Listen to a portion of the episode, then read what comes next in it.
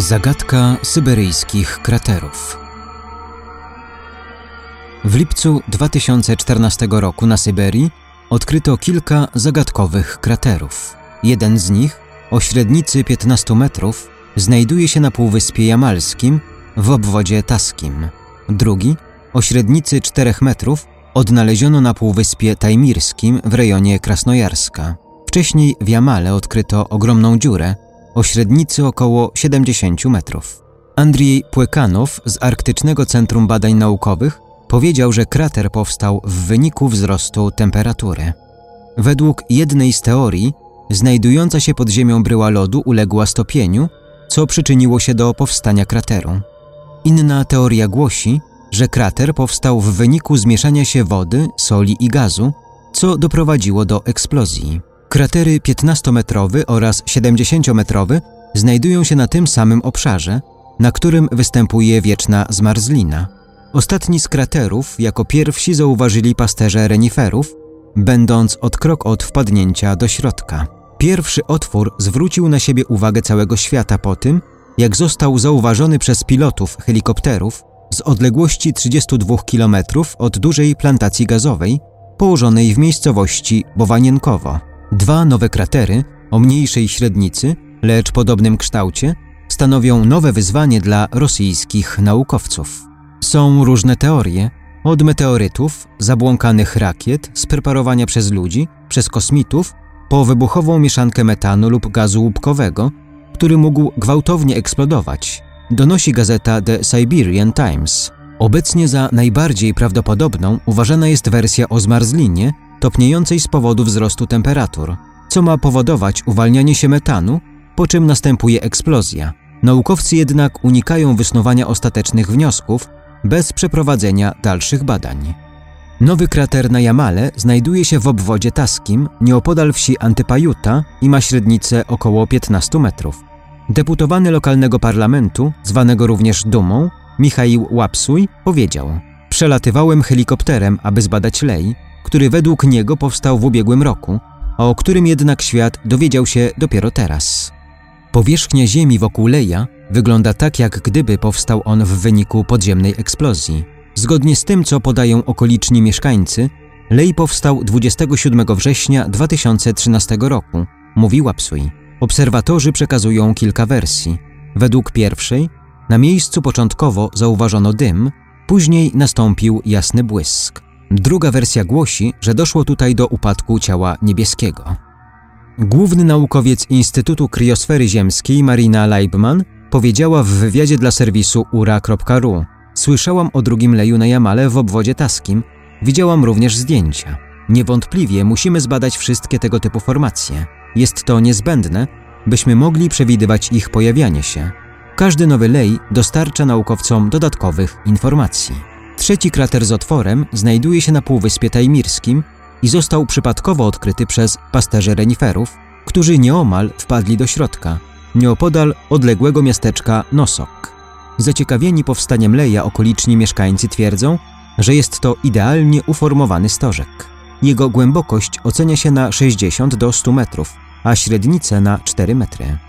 Eksperci, geolodzy, ekolodzy i historycy nie doszli do żadnych ostatecznych wniosków co do pochodzenia Leja. Nie wygląda to na dzieło człowieka, nie przypomina jednak również formacji naturalnej, stwierdził jeden ze świadków, wyrażając przy tym zakłopotanie w kwestii powstania tworu.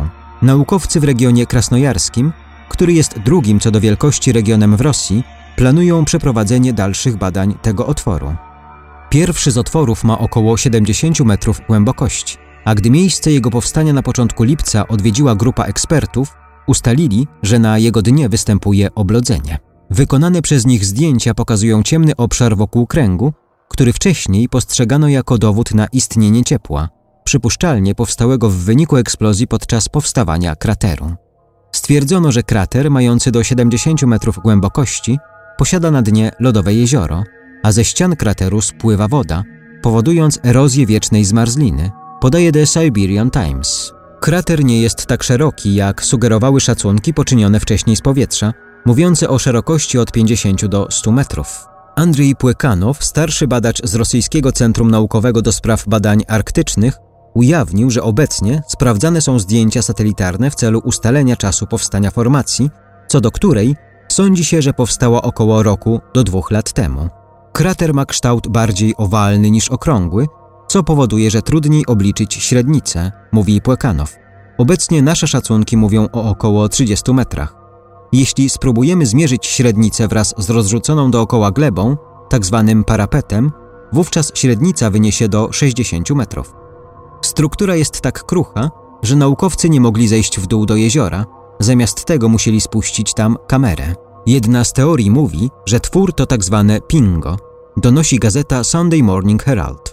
Pingo to duży kawał lodu znajdujący się pod ziemią, który w wyniku topnienia może wytworzyć otwór w ziemi. Na zdjęciach, które ja widziałem, to wygląda jak struktura peryglacjalna, być może zapadnięte pingo, powiedział dr Chris Fogwill z Uniwersytetu w Nowej Południowej Walii w Australii. Oczywiście jest to jego bardzo ekstremalna postać, a jeśli doszło do jakiegoś wzajemnego oddziaływania z gazem na tym obszarze, to jedyny sposób na uzyskanie odpowiedzi na to pytanie to po prostu udać się tam.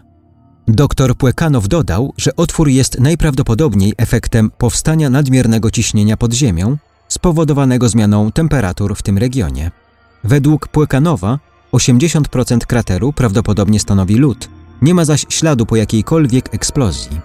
To odkrycie w praktyce eliminuje możliwość, jakoby w tej okolicy spadł meteoryt. Czy można to łączyć z globalnym ociepleniem? Aby odpowiedzieć na to pytanie, musimy kontynuować nasze badanie, powiedział dr Płekanow. Lata w roku 2012 i 2013, jak na warunki jamańskie, były relatywnie gorące, możliwe więc, że wpłynęło to na uformowanie się krateru. Aby jednak z całą pewnością ustalić przyczynę, musimy najpierw przeprowadzić testy i badania. Po odkryciu otworu w internecie pojawiły się spekulacje wskazujące na pojawienie się pojazdu UFO. Odrzucając możliwość pozaziemskiej interwencji, dr Płekanów powiedział: Możemy jedynie stwierdzić z pewnością, że pod wpływem procesów wewnętrznych doszło do wyrzutu w zmarzlinie. Chcę podkreślić, iż nie była to eksplozja, ale wyrzut, więc w trakcie tego zdarzenia nie doszło do emisji ciepła. W ostatniej ekspedycji zorganizowanej przez władze Jamału wzięli udział eksperci z Rosyjskiego Centrum Badań Arktycznych oraz Instytutu Kryosfery Rosyjskiej Akademii Nauk. Badacze pobrali na miejscu próbki gleby, powietrza i wody, a towarzyszyli im specjaliści z rosyjskiego Ministerstwa do Spraw Nadzwyczajnych. Anna Kurczatowa z Podarktycznego Centrum Badawczego twierdziła wcześniej, że krater został uformowany w wyniku zmieszania się wody, soli i gazu, co doprowadziło do podziemnej eksplozji. Ma to być efekt globalnego ocieplenia. Gaz skumulowany w lodzie mógł się zmieszać ze znajdującym się pod powierzchnią piaskiem, a następnie z solą. Jak sugeruje Kurczatowa, jest możliwe, że globalne ocieplenie spowodowało alarmujące topnienie znajdującego się pod glebą lodu, co z kolei doprowadziło do uwolnienia się gazu i wytworzenia tzw. Tak efektu otwarcia korka od szampana. Jamał, duży półwysep stykający się z wodami Arktyki, stanowi dla Rosji główny obszar produkcji gazu, wysyłanego następnie do Europy. Doktor Płekanow przyznał, nigdy wcześniej nie widziałem czegoś podobnego, nawet mimo iż byłem na Jamale wiele razy. Krater różni się od innych kraterów na Jamale. Eksperci mówią, że zjawisko może stanowić ponowne uruchomienie procesu, jaki nie występował tutaj od 8 tysięcy lat, gdy jezierowaty krajobraz Jamalu formował się z czegoś, co wcześniej było morzem. Dziś ten proces może się powtarzać, powiedział Płekanow. Jeśli ta teoria się potwierdzi, będziemy mogli powiedzieć, że jesteśmy świadkami unikalnego procesu przyrodniczego, który uformował niezwykły krajobraz Półwyspu Jamalskiego.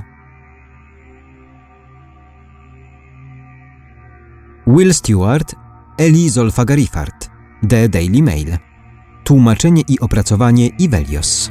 Czytał Hubert Chłopicki.